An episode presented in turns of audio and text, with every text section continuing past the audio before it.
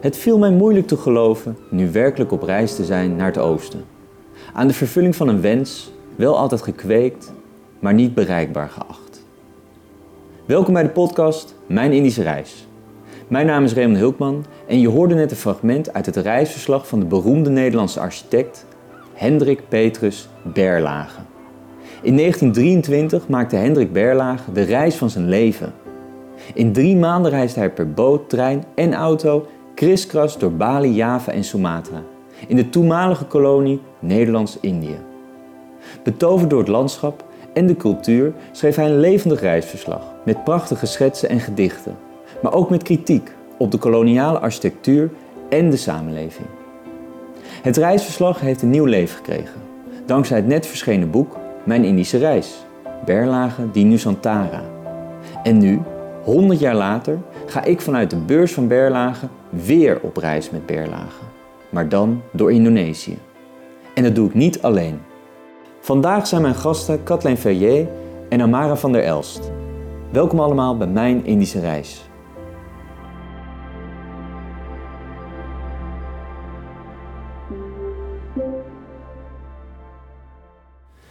Kathleen, je bent deskundige op het gebied van uh, mensenrechten, diversiteit en inclusie. Ja. Uh, je bent recentelijk aangesteld als een van de commissieleden die onderzoek gaat doen naar het koloniale verleden van de Oranjes. Uh, vandaag staat in teken van Berlage. En zijn reis natuurlijk door Indonesië. Was jij bekend met Berlage zijn werk? Ik uh, was daar zeker mee bekend, maar uiteindelijk alleen heel oppervlakkig. Ik kende vooral Berlage, de architect. Ik wist dat hij reizen gemaakt had. Maar ik vind het heel interessant om dit dagboek te lezen. Want je krijgt een hele nieuwe kijk op de man. Die toch op, ehm, zeker in die tijd, latere leeftijd, deze reis maakt. En tot hele interessante inzichten komt. Die heel herkenbaar zijn voor de tijd waarin we vandaag de dag leven. Dan gaan we nog uitgebreid over verder uh, spreken natuurlijk. Ik begin met een quote uit het reisverslag. Die leg ik vast jullie even voor, dan lees ik hem zelf voor. 4 mei, Malabar. Bij het zien van de drie kleurtjes tussen het diepe groen der bomen en het vale geel der bamboehutten langs den statige heerweg rees plotseling weer de verbazing over het onbegrijpelijke.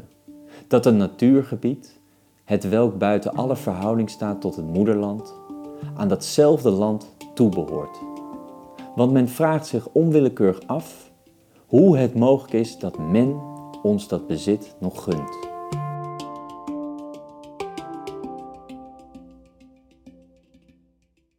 Tijdens zijn reis gaat Berlage op bezoek bij koloniaal kritische Nederlanders en Indonesiërs die later een grote rol zouden spelen in de onafhankelijkheidsbeweging. Hij voorziet ook een vulkanische vrijheidsbeweging die alle koloniale rijken in vlam zullen doen opgaan. Toch toch veroordeelt hij het kolonialisme niet expliciet. Nog over het beginsel van kolonialiseren, nog over de wijze van ons Indisch beheer past in dit verband een oordeel. Kathleen, je bent bekend met deze materie. Ja. Je adviseerde de gemeente Amsterdam over de komst van het Slavernijmuseum. Je bent lid van de commissie dus over uh, het verleden van Oranjes. Kun jij je verplaatsen in de positie uh, die Berlage inneemt? Want hij balanceert natuurlijk hier op een randje tussen verbazing en veroordeling. Hoe, hoe, hoe zie je nou ja, dat? dat is natuurlijk een van de hele interessante punten in het dagboek. En trouwens, dat uh, citaat wat je voorlas, um, dat gaat helemaal leven als je de tekening erbij ziet. Want dan zie je inderdaad die kleuren, het vale geel van de bamboehutten en het groen en dan die drie kleine of twee kleine vlaggetjes heeft hij daarin getekend. En dat staat natuurlijk symbool voor de grote verbazing. Hoe is het mogelijk dat dat piepkleine landje, dat heeft hij dan ergens ook nog, uh, die twee rivieren waar dan Nederland tussen zit, piepklein landje. En dat heeft dan het beheer ook zichtbaar in hoe, uh, hoe het land eruit ziet. Dat heeft zoveel invloed. Hoe is dat mogelijk, die verbazing? Um, en dat heeft natuurlijk van alles te maken met uh, het koloniale gezag. En wat ik heel interessant vind, wat je hier noemt, is ook zijn eigen uh, terughoudendheid om voluit te gaan in zijn veroordeling daarvan. En daarin ook soms heel dubbelzinnig is. Dat hij aan de ene kant zegt van dit kan toch niet. En aan de andere kant het, uh, het ook niet volledig benoemt en het ook voor een deel laat gebeuren. En dat is natuurlijk heel herkenbaar. Um, um, we maken vandaag de dag hier in Nederland een tijd mee waarin um, er excuses zijn aangeboden door de rechtsopvolgers van de regeringen die in der tijd slavernij en kolonialisme mogelijk hebben gemaakt. We maken een uh, tijd mee, juist dit jaar, 100 jaar nadat Berlage deze reis maakte, is het grote herdenkingsjaar wat betreft het slavernijverleden. Dus uh, het, de, het herdenkingsjaar waarin de discussie gevoerd wordt van hoe verhouden we ons tot het verleden. Uh, waar, de discussie van mensen die zeggen waarom moeten we dit allemaal belangrijk vinden, het is zo lang geleden. De doorwerking ervan in het heden. Uh, want daar gaat het uiteindelijk om, de grote ongelijkheid. Ook in deze samenleving, de Nederlandse samenleving. En wat ik heel bijzonder vind in het, uh, in het dagboek, is hoe hij worstelt met het voluitgaan in het veroordelen. Want in de kern is dat aanwezig. Uh, maar waarschijnlijk omdat hij zich ook verplicht voelt jegens diegenen die hem hebben uitgenodigd om deze reis te maken, vindt hij het ook waarschijnlijk niet helemaal gepast om hun koloniale manier van handelen te veroordelen. En dat is, staat natuurlijk symbolisch voor de spanning waarin ook vandaag de dag deze discussie staat. Uh, hoe doe je dit op een goede manier? Hoe krijg je mensen mee? Hoe, um, hoe kun je laten zien waarom het belangrijk is om de feiten te kennen? En wat ik ook zo mooi vind in dit uh, dagboek van Berlage. Hij laat ook zien dat één waarheid verschillende perspectieven kent. Um, zoals Amara net ook zei, spoken word kennen we eigenlijk al lang. Het is alleen, nu heet het zo, maar het was er eigenlijk altijd al. Het ritmisch vertellen van een verhaal. En dat is eigenlijk wat je ook ziet bij het slavernijverleden. Het, het is er altijd al geweest. Alleen hebben we er steeds op één bepaalde manier naar gekeken. Het verhaal verteld vanuit de kolonisator. En wat belangrijk is, is juist om die andere kant ook te horen. Hetzelfde verhaal, maar op een andere manier bekeken vanuit een ander perspectief. En pas als we al die perspectieven op tafel hebben, kunnen we ons ertoe verhouden met alle spanningen die daarbij horen, zoals hij dat als reiziger op uit, dus iemand die er tijdelijk is, op uitnodiging van bepaalde autoriteiten, hij die reis gemaakt heeft en zich um, geroepen gevoeld heeft kritisch te zijn, maar daarin ook terughoudend. Is in die zin zijn houding, zou ik wel bijna zeggen, is zijn houding tijdloos? Het is herkenbaar. Um, ik hoop van harte dat over 100 jaar uh, we niet zeggen: hé, hey, daar zitten we weer bij diezelfde spanning. Ik hoop dat we dan wat verder zijn. En we veel makkelijker kunnen onderkennen wat er in het verleden gebeurd is en hoe dat doorwerkt in het heden. En onze verbazing erover uitspreken. 19 maart, Sabang. We gaan een land op vaderlandse grond. Verrast. Zo verre van huis het Hollands overal te horen. Het was het karakteristieke, maar toch ook aandoenlijk begin van de steeds stijgende verbazing over de mogelijkheid op die afstand zulk een uitgestrekt rijk vanuit het kleine land tussen de Dollard en de Schelde te regeren. Wat we horen in dit fragment, dat toen Berlage voet op Indonesische bodem zette, hij verrast was om de Nederlandse taal te horen. Hoe verder hij op reis is, hoe meer zijn verwondering omslaat in verbazing. Steeds meer stelt hij vraagtekens bij de koloniale maatschappij. Het gaat ook, hij gaat ook op bezoek bij verschillende lieden die later in de onafhankelijkheidsbewegingen een over, en voorname rol zouden spelen. Uh, Kathleen, jij hebt de onafhankelijkheidsbeweging van een andere Nederlandse kolonie uh, van dichtbij meegemaakt, uh, Suriname in dit geval.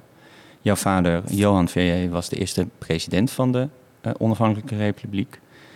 Kun jij je voorstellen hoe die wereld waar Berlage in terecht kwam eruit zag? Ja, dat is natuurlijk heel herkenbaar. Mijn vader was trouwens ook de laatste gouverneur van Suriname. En dat is uniek in de wereld. Dat de laatste gouverneur ook de eerste president is. Ik kan me dat heel goed voorstellen, want ik vind het zelf ook heel bijzonder om in Suriname te zien hoe Nederlands Suriname is. De taal natuurlijk, uh, en daar valt veel over te zeggen. Uh, maar ook hoe de stad is ingericht. Het is volgens mij de enige stad op het uh, continent Zuid-Amerika waar je echt fietspaden had.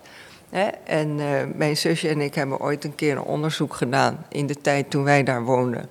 Van wie fietst er nou eigenlijk hier in Suriname? Dat zijn dan vooral Nederlandse stagiaires die fietsen.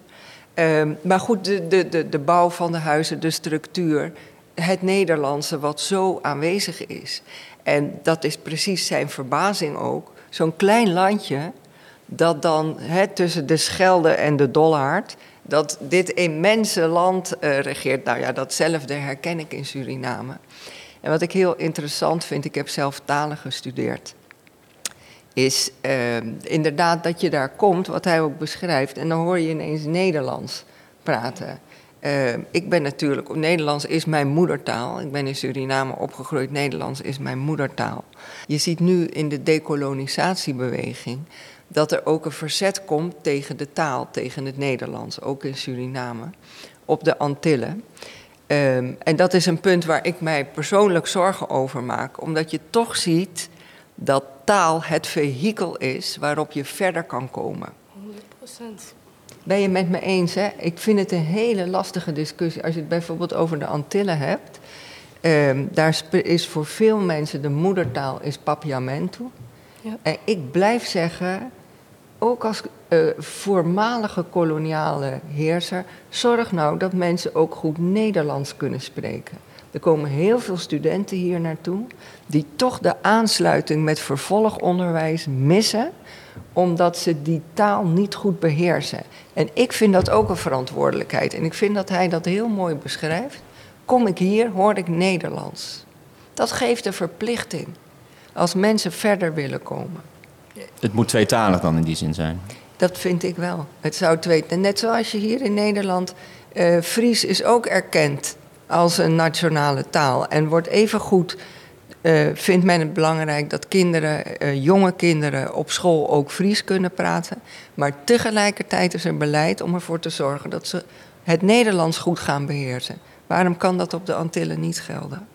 Dus ik vond het als persoon die taal gestudeerd heeft, vond ik het heel mooi om te zien hoe hij daaraan refereerde. En natuurlijk is het heel herkenbaar, de Nederlandse stempel in Suriname, zoals hij dat gezien heeft daar toen in Nederlands-Indië. Um, Amara, in je voordracht zei je heel mooi, de voordracht uh, die je in 2021 hebt gehouden hier op de Dam. Twee verhaallijnen door mijn bloed stromen, waar Indo en Nederlander in één lichaam samenkomen. Wat, wat weet jij van je eigen familiehistorie? Ben je daar ook heel erg ingedoken? Zover als ik kon, maar het was zeg maar ongeveer uh, ja, 20 centimeter aan badwater en daarna heel hard beton. Dus ik kon er niet diep induiken. Uh, er is gewoon niet zoveel doorgegeven in mijn familiegeschiedenis. Dus ik heb geen idee. En de oudste broers van mijn moeder, die weten nog een paar dingen. Maar het is allemaal mond op mond. Dus ieder heeft ook net zijn eigen perspectief. En daar moet ik het mee doen. En dat heeft iets lastigs, want ik mis dus een bepaalde ja, rationele blik op mijn roots. Maar ik kan wel ondertussen een normaal gesprek voeren met mijn familie over het gevoel. En dat is voor mij belangrijker dan data weten, um, specifieke functies weten die mensen hebben gehad. Uh, zolang ik het gevoel ken en daarover kan praten, zolang ik het gevoel ken en daarover kan praten, dan is het goed. In je werk, maar ook in interviews, is uh, identiteit een terugkerend thema. Um, je bent het kind van een witte Nederlandse vader en Indische moeder, ja. uh, derde generatie. En je ziet jezelf, je omschreef jezelf in ieder geval half Indo, als ik het goed heb. Ja, eigenlijk wel.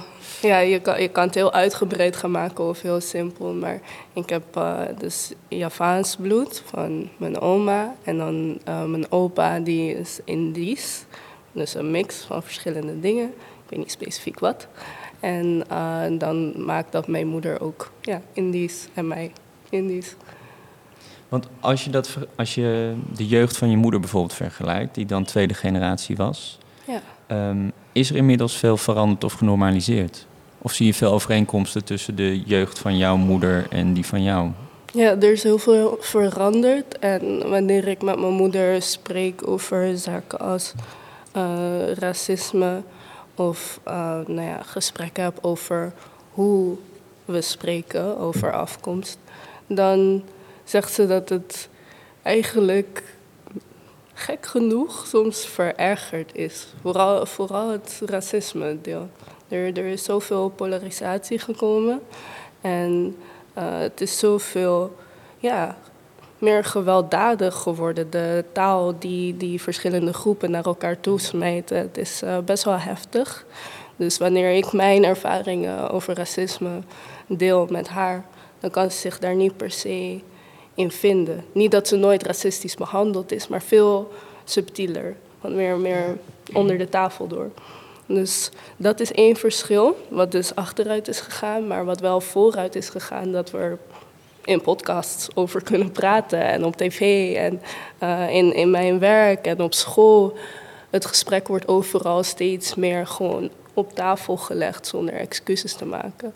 En uh, gewoon de situatie kan je benoemen zoals het is, zonder dat er problemen komen. Dus dat is iets wat heel snel vooruit is gegaan, die, die kant van de vrijheid van meningsuiting. Maar ik herken wel wat je moeder zegt hoor. Want um, kijk, het was er altijd. Toen ik studeerde in de jaren zeventig in Leiden, um, um, viel, ik, uh, veel, uh, viel ik veel meer op op straat dan nu. En ook toen was er discriminatie, maar het werd niet benoemd. Um, en nu wordt het veel meer benoemd. Het was veel subtieler. Bijvoorbeeld in een docent die um, niet kon geloven dat ik de Nederlandse grammatica beheers. Ik studeerde talen, ik studeerde Spaans, Portugees. Eén docent die bleef maar tegen mij zeggen: Mevrouw Verrier, u moet toch eens een goede Nederlandse grammatica doornemen. En toen liet ik hem zien dat ik hier in Nederland eindexamen gedaan had en een 9 had voor Nederlands. En ik zei, ik kan het wel, maar dat kwam er niet in. Dus weet je, ik dacht ook, laat maar, maakt niet uit. Um, dus, en, en, en dan ook in die tijd mensen die zeiden, huh? maar jij spreekt toch gewoon goed Nederlands? He, dus zo van, jij bent één van ons. In die tijd had je dat soort dingen. Maar ja. nu is het inderdaad, alles wordt besproken. Ik ben heel erg met je eens dat het heel goed is dat nu alles op tafel ligt, dat we alles kunnen zeggen. Maar de manier waarop, en dat wat je moeder dan ook herkent, wat ik ook herken, uh, dat iedereen zijn stellingen betrekt. En ik vind dit en er valt niet over te praten. En de, die polarisatie, de onverzettelijkheid, het gebrek aan de wens om elkaar te vinden. En daar maak ik me wel erg zorgen over. Ja, ik ook. ik ook. Maar, er, er is hoop. Er is zeker hoop. En het is ook een van mijn missies in, in mijn schrijfwerk. Van ik heb in, in die zin een privilege dat ik twee verschillende verhalen door mijn bloed heb stromen. Verschillende perspectieven. En dat ik dus die verbinding kan maken. En ik probeer dat privilege heel erg in te zetten. Van dit is een bijzonder perspectief wat ik in mij draag. Een, een meerdelig perspectief. En uh, ik denk dat dat een beetje de toekomst is van waar het gesprek naartoe moet gaan. Dat die uiteindes niet meer zeg maar, twee verschillende kanten van een lijn zijn, maar elkaar weer zo terug kunnen vinden in de vorm van een cirkel. Wat zeg je dat ontzettend mooi. En wat vind ik het fantastisch dat je ook dat in jezelf ziet. Hè? Want jij, jij verenigt die twee verschillende kanten waar Berlage het over heeft. En waar hij verbaasd naar kijkt. Hoe kan dit? Jij verenigt het in je en je ziet het ook als je missie. Om daardoor die twee uit elkaar staande uiteinden van die lijn die je beschrijft bij elkaar te brengen. En daarbij heb je een geweldig talent om dat te doen. Je spoken word talent. Dus uh, ik ben ook heel hoopvol hoor. Want Amara, die, um, het thema identiteit, is dat dan ook een manier om een inkijkje te krijgen in de ziel? In wie je bent? Is dat dan het streven? Mm, identiteit uh, is voor mij een beetje tweeledig. Want de identiteit waar ik tot nu toe veel over heb geschreven is de oppervlakkige identiteit. De identiteit waar je in het dagelijks leven mee geconfronteerd wordt, namelijk hoe je je opstelt tegenover anderen. Dat is meestal wat, wat die reflectie geeft van wat andere mensen aan jou teruggeven. Wat jij uitstraalt, gaan mensen aan je teruggeven. Als je openheid uitstraalt, gaan mensen openheid teruggeven. Als je gesloten hardheid uitstraalt, gaan mensen dat ook teruggeven. En dat is iets waar je veel simpeler aan kan werken. Wat je ook veel simpeler kan uitleggen aan anderen. En dingen over kan leren. Maar op het moment dat je kijkt naar het andere deel van identiteit, de ziel. Dan ga je een hele andere wereld in eigenlijk. En dat heeft zoveel lagen en daar kan je heel diep in gaan. En dat is wat ik nu probeer te doen met mijn werk. Nou, wat ik nu eigenlijk doe met mijn werk. Die, die soul searching. En dan begin ik bij mezelf. Heel diep in mezelf kijken en graven. En ja, zijn, voelen. En dat vervolgens proberen in een soort van conclusies naar een publiek te brengen. En dat is, dat is een stuk moeilijker dan het te hebben over hoe iemand ja, op straat langsloopt en iets naars tegen me zegt en wat ik daarmee doe. Zeg maar, echt in jezelf kijken en, en voelen wat er gaande is in het ingewikkelde systeem van een mens. Dat is veel lastiger dan praten over de omgang met elkaar. En uiteindelijk is dat juist, die, die diepe laag, wat we moeten gaan onderzoeken om die hogere laag van de dag tot dag beter te kunnen begrijpen en daar makkelijker mee om te gaan. Want dat is uiteindelijk wat tot zo'n confrontatie leidt. Die diepe laag, die bepaalt op een positieve of negatieve manier de face value. Dus dat is iets waar ik niet, denk ik, zo binnen vijf minuten een verhaaltje over, over kan vertellen op dit moment. Dan zou ik een hele spoken word moeten houden hier zo. Maar het is wel iets wat, wat heel waardevol is voor mensen om naar te kijken, om zelf onderzoek naar te doen. Mensen die zeg maar, op dit moment nog niks weten over ziel, zou ik zeggen, ga eventjes googlen, ga eventjes naar de bibliotheek, ga lezen over, oké, wat is je ziel, wat kan dat betekenen? Hoe kan je dichter bij die versie van jezelf komen? Mag ik daar iets op? Ik vind Natuurlijk. dat super belangrijk. Want als je ziet, um, juist waar de polarisatie, de onverzettelijkheid, de, de, de, de, de haat en de agressie in onze samenleving vandaan komt, is dat mensen zichzelf en de ander steeds meer identificeren, identiteit geven op één punt, op een uiterlijk punt. Jij bent zwart, ik ben wit, jij bent homo, ik ben hetero, whatever. En dat is jouw identiteit. En daar beoordeel ik jou op. Terwijl identiteit, precies zoals je zegt, super gelaagd is. En die diepte verliezen we helemaal uit het oog. We gaan af op wat jij zegt van de persoon die langskomt en iets naast tegen me zegt. Maar juist het besef dat identiteit veel meer is dan hoe je eruit ziet, wat dan ook, dat heel complex geheel is, die ziel, dat innerlijke, daar moet veel meer oog voor komen. Ik zeg zelf altijd, de menselijkheid is een beetje uit, de humaniteit is een beetje verdwenen. Die zit op de achterbank. Ja, nou dat ben ik met je eens. Ik heb in 2019 de Anton de Kom-lezing gehouden. Er waren twee uitgevers die het uit wilden geven en het is uiteindelijk uitgegeven onder de titel Hoe wij hier ook samenkwamen. Een regel uit het Surinaams volkslied.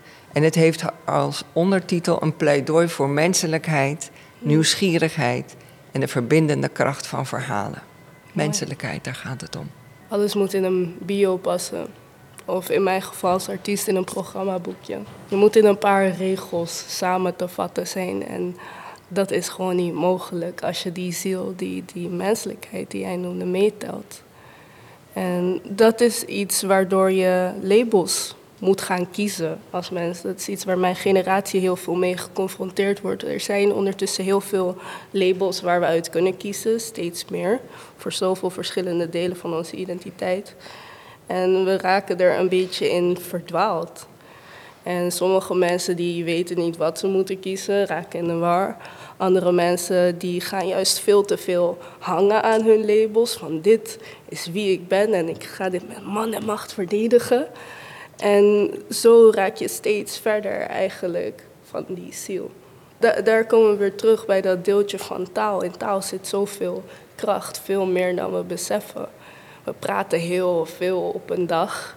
En de meeste woorden die we zeggen zijn niet heel bewust gebruikt. En hetzelfde geldt over wat we over onszelf zeggen, wat we onszelf aanpraten. Van ik ben dit, ik ben dat. Op het moment dat je iets claimt, positief of negatief, en dat maar vaak genoeg zegt, dan wordt het vanzelf waarheid. En uh, nou ja, dat is iets uh, wat steeds meer mensen wel een klein beetje beginnen te beseffen, de kracht van het woord. Maar het, het, mag nog duidelijker gemaakt worden, ook al op jongere leeftijd. Vooral voor kinderen is dat heel belangrijk om te weten dat positief praten over jezelf en anderen heel belangrijk is. Om het nog, eh, mag ik nog even iets zeggen? Kijk, want ik vind het heel mooi dat uh, wat jij zegt, dat resoneert natuurlijk geweldig bij mij. Uh, het belang van taal, het kiezen van je woorden, alles wat je zegt. En om dan weer bij Berlage terug te komen, wat ik ook heel interessant vind, um, hij heeft het over de ethische politiek, die op een gegeven moment werd ingevoerd omdat men ook wel zag vanuit Nederland, ja, het gaat niet helemaal goed. Hè? We doen het niet helemaal goed als kolonisator. Dus uh, we voeren de ethische politiek in eigenlijk met het idee om um, um, de kennis daarin te zetten, nu jonge generaties een kans te geven. Ethische politiek ook hier in Nederland. Um, de studenten uit Nederlands-Indië toen die hier kwamen, werd heel belangrijk gevonden dat die ruimte en een positie kregen vanuit ethische politiek. Ze moesten zich kunnen ontwikkelen. Maar uiteindelijk bleek, zou je kunnen zeggen, dat dat ook vooral mooie woorden waren. Uh, omdat toen het er echt op aankwam om ze ook ruimte te geven voor onafhankelijkheid, toen was de politiek iets minder ethisch en ging het meer, toch weer meer om het eigen belang. En het gevolg van die hele ethische politiek is eigenlijk dat je een groep jonge studenten hier gekregen hebt die zich uiteindelijk ook tegen het koloniale bewind gekeerd hebben. dus die mensen die in de, vanuit de ethische politiek hadden moeten meedenken met de kolonisator, keerden zich ertegen en werden ook strijders voor de onafhankelijkheid van Indonesië later. 11 april, Borobudur. Of zal tenslotte de ondergang der westerse beschaving niet te keren zijn en de opbloei einer nieuwe cultuur alleen mogelijk worden in het oosten, met Rusland als centrum, dat door zijn ligging tussen de westerse geest van het verstand en de oosterse van het gevoel daartoe alle aangewezen schijnt. Berlage was een volger van de Duitse filosoof uh, Spengler, die de ondergang van de westerse beschaving voorspelde. Als je dit citaat vandaag de dag leest, lijkt het in een volledig andere context weer verrassend actueel. Hoe moeten we in Nederland omgaan met de veranderende wereldorde? Ja, Kathleen, uh, waar ligt volgens jou de toekomst en hoe moeten wij daar ons bij opstellen? Nou, dat is een, eh, een hele grote vraag, maar ik heb er wel wat ideeën over en er ook uh, vaker uh, over geschreven en gesproken. Ik heb op verschillende plekken in de wereld gewoond. In uh, Zuid-Amerika tien jaar en meer recentelijk in Hongkong. Um, en als je de ervaring hebt van wonen en werken langdurig op verschillende plekken. Wat je dan meekrijgt is het besef van relativiteit. Het besef dat Europa en zeker Nederland, niet het centrum van de wereld is. En um, wat voor mij als een paal boven water staat en heel belangrijk is, is dat men hier veel meer het besef moet krijgen dat Europa en ook Nederland niet de norm is. En dat zien we vandaag de dag ook. Ehm, je leest dat heel mooi terug in het uh, dagboek van Berlage. He, zo van Nederland imponeert dit, leg dit neer. Men heeft zich ernaar te schikken. Dit is de norm. Zo werden mensen ook opgevoed. Altijd met het beeld van de overheerser als de norm. Uh, Anton de Kom zelf vanuit Suriname heeft dat ook heel krachtig beschreven. Wat het met je doet als je altijd hoort dat, uh, dat wat anderen doen, mensen die er anders uitzien dan jij, dat dat het goede is. Dus dat idee van wij zijn de norm, dat moet heel snel gaan veranderen. En dat zie je gebeuren in de wereld. Um, de jaren dat wij in Hongkong woonden en werkten, uh, hebben wij, uh, mijn echtgenoot en ik, ons er steeds voor ingezet om te vertellen wat daar gebeurde, de opkomst van China als grote wereldmacht. Uh, om het te laten landen hier in Europa, waar men toch alsmaar naar het andere deel van de wereld kijkt, naar het Westen, naar de Verenigde Staten, van daar voelen we ons verbonden mee, dat is onze toekomst, dat is waar wij voor staan. En wij zeiden, kijk ook eens even naar de andere kant, kijk eens wat daar gebeurt. En natuurlijk moet je kritisch kijken naar een wereldmacht als China, naar wat daar gebeurt op gebied van mensenrechten enzovoort. Maar je moet vooral zorgen dat je eigen agenda hebt op grond waarvan je het gesprek kunt aangaan met andere machten in de wereld. En um, de urgentie daarvan ontbrak totaal, omdat men uiteindelijk de mindset heeft. Uiteindelijk wil iedereen net zo worden als wij. Dus het tegendeel van het citaat wat je net hebt voorgelezen. Uh, wij hier in het Westen, de westerse democratie, dat is uiteindelijk het model waar iedereen vanzelf voor zal kiezen. En vandaar ook het beeld dat men heeft dat mensen uit alle delen van de wereld graag naar Europa komen, want dit is het Walhalla. Dat is heel snel aan het veranderen.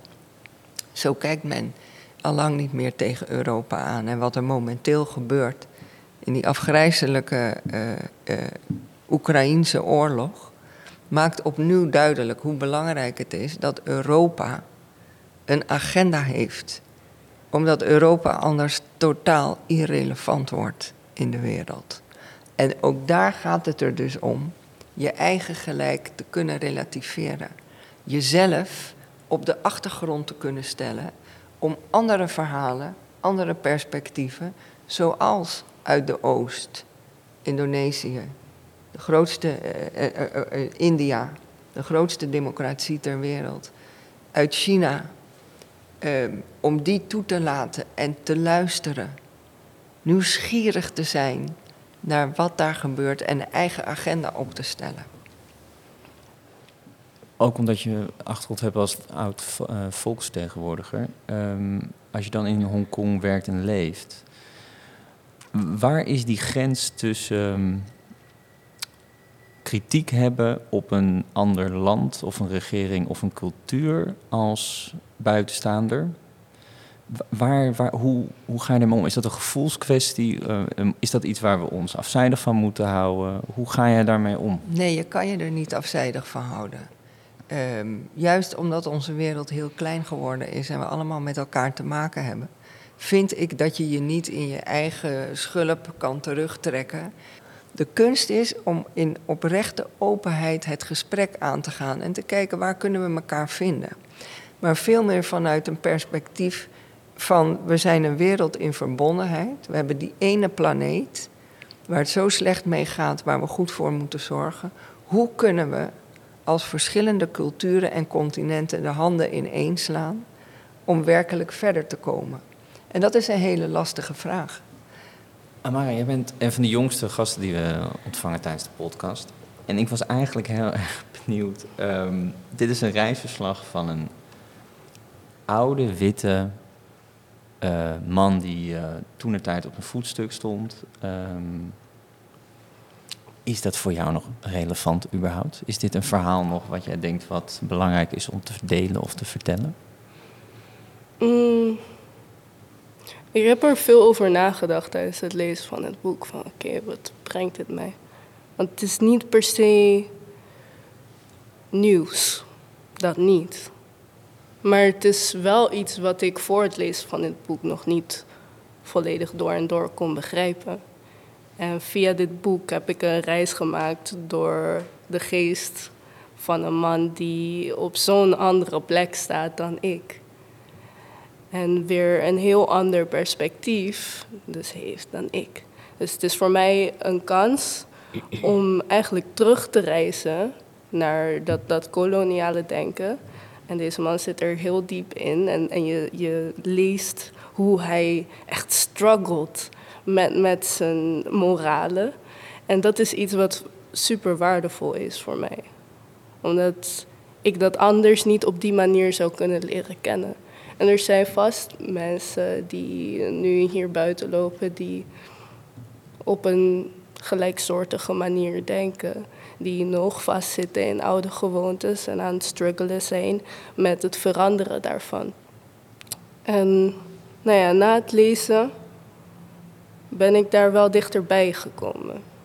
Heb ik meer begrip gekregen voor mensen die nog niet volledig zien hoe aanwezig kolonialisme nog is in vandaag de dag.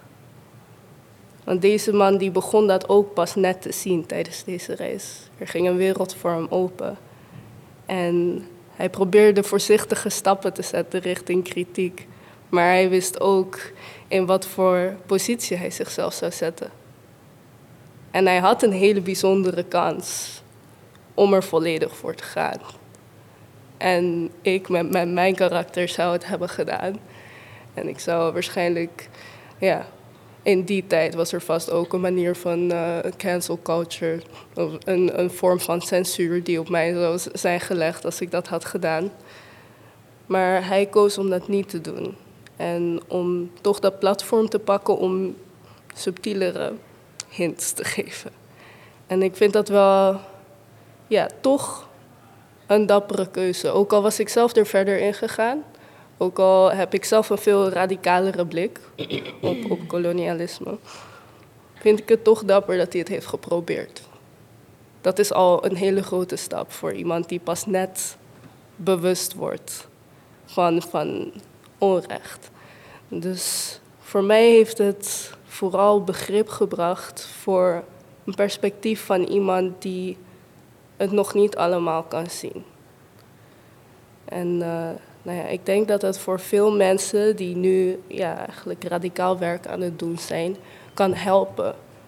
Uh, niet alleen om vervolgens nog beter mensen te kunnen overtuigen, maar ook om, om te beseffen van het hoeft niet allemaal in één dag te gebeuren. We hadden het uh, aan het begin van het gesprek uh, erover dat je niet zoveel weet van, van de familiegeschiedenis. Ja. En ik begreep ook dat je nog niet in Indonesië bent geweest. Klopt. Dus ik was ook eigenlijk benieuwd, is dat een hele grote wens van je? Is dat ook een manier dan om meer te ontdekken over je familie? Ben je ergens nieuwsgierig naar? Ja, tuurlijk. Tuurlijk wil ik naar het land waar mijn roots liggen. 100 procent. Uh, en ik wilde het al van kleins af aan. Mijn moeder wilde me nooit meenemen omdat zij het heel moeilijk vindt om um, het leed en de armoede daar te zien. En te weten dat ze er niet structureel iets aan kan doen vanuit haar positie. Dus ja, wat zij heeft gekozen is om er dus afstand van te nemen en vanaf een afstand voor de familie te zorgen en de relaties te onderhouden. Maar om daar te zijn is voor haar heel zwaar. Dus ze heeft me nooit meegenomen. Um, mijn broer is er wel geweest, dus ik kon altijd in de fotoboeken kijken van wat zij hebben gezien. En uh, ik heb één keer een videocall kunnen doen met uh, mijn neven en nichten daar zo.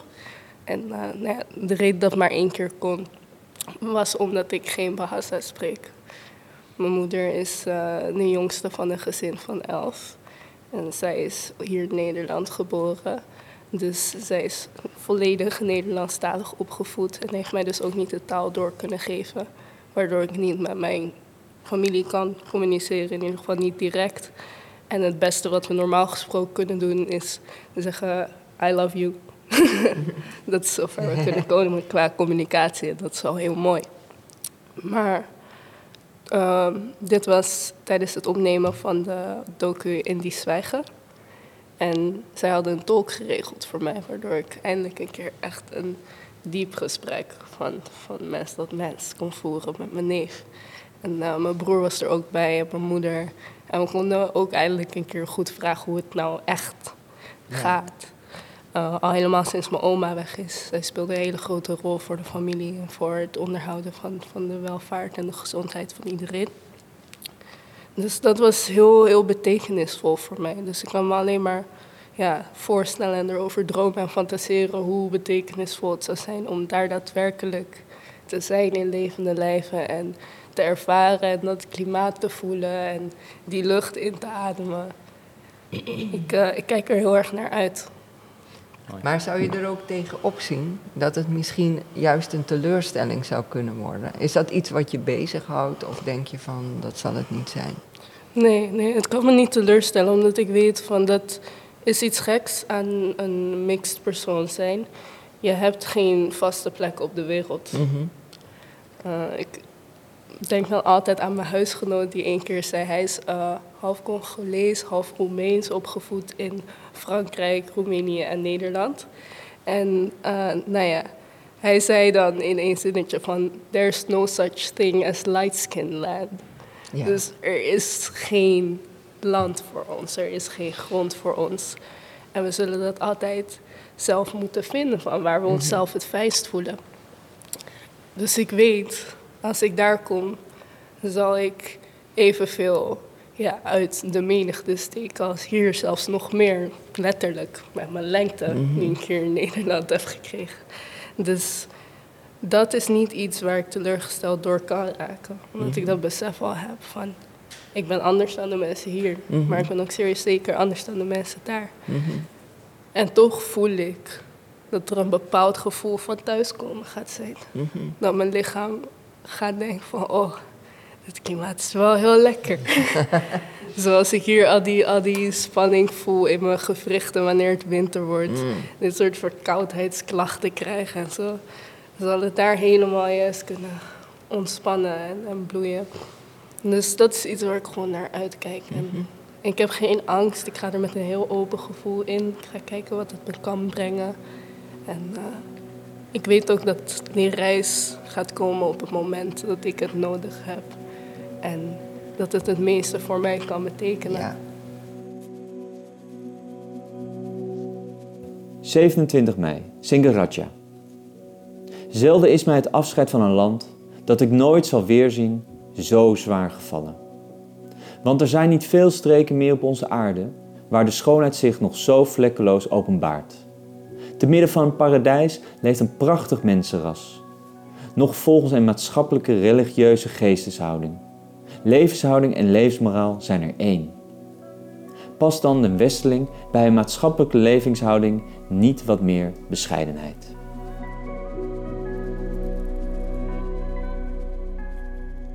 Ja, Kathleen, we hebben het er eigenlijk al over gehad. Maar um, past ons inderdaad niet wat meer bescheidenheid? Europa heeft zich uh, wat je ook al hebt geconstateerd, uh, vastgeklampt aan de Verenigde Staten. Maar ehm, moeten wij onze blik niet een beetje gaan aanpassen? Ja, dat vind ik zeker. Um, omdat de wereld snel verandert, moeten we onze blik aanpassen. Moeten we naar alle kanten kijken en zeker ook naar het oosten. Vanuit Europa, niet alleen meer naar het westen. En uh, uh, als westerling past ons zeker meer bescheidenheid. het jezelf kunnen relativeren, jezelf op de achtergrond plaatsen en anderen op de voorgrond plaatsen, dat is zeker wat van groot belang is. Wat ik in dit citaat ook heel mooi vind, is hoe hij aangeeft dat het uh, maatschappelijke religieuze geesteshouding, dat het een levenshouding is waarin uh, uh, de levenshouding en de moraal één zijn. En als ik zeg dat ik denk dat deze tijd ons zal dwingen om ons open te stellen voor datgene wat we tot nu toe vooral als exotisch en vreemd en niet eigen beschouwd hebben, is dat ook precies dit. Het besef van je eigen nietigheid, van je eigen uh, tijdelijkheid en je verbondenheid met de natuur en de planeet. Zoals hij die ervaren heeft toen tijdens zijn reis. Zoals ik die gezien heb op de verschillende plekken waar ik gewoond heb: Suriname, Latijns-Amerika ook uh, in Azië. Um, de, het met respect omgaan met de natuur. de natuurlijke geneeswijze, de manier om de biodiversiteit in stand te houden, zoals het bij inheemse bevolkingen wereldwijd aanwezig is, die kennis zullen we ook hier in het Westen hard nodig hebben. En daarom is uh, die grotere bescheidenheid en het besef dat jij niet de norm bent van wezenlijk belang. Amara, tot slot, um, we hebben jou gevraagd om uh, iets voor te bereiden. Klopt dat? Ja, klopt. Zou jij daarmee uh, dit mooie gesprek willen afsluiten? Ja, het is een uh, kort fragment uit een langere spoken word, maar ik dacht dit zou wel passen bij het onderwerp van ons gesprek. Wat achter de rug lijkt, dragen we nog. In de boeken, in de docu's, in ons bloed tot op het bot. Het verleden geeft een houvast, want het leed voelt zo bekend. Vrij gebruik van onze vleugels zijn we nu nog niet gewend. Na gekortwiekt, gekooid, na gezang uit verlangen, kunnen wij onszelf niet gunnen, durven wij niet te ontvangen. Eén ding met bagage is dat je het uit moet pakken. Anders wordt het zwaarder met elke stap. Dus deze derde generatie zet een paar stappen terug. Ritst alles open, stelt vragen over wat wij dragen op ons rug. Prachtig. Prachtig. Dankjewel, ja, heel mooi. Dank u. Ja. Ik heb uh, weer ontzettend veel geleerd van deze reis. Mag ik je heel erg bedanken voor dit prachtige gesprek. Dankjewel. Tot je dienst.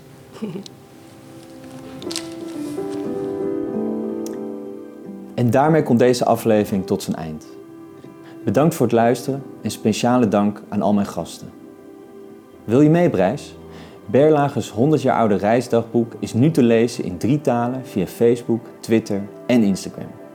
De podcasts zijn te beluisteren op berlagedinusantara.com en een volledige nieuw geïllustreerde uitgave ligt binnenkort in de boekwinkels.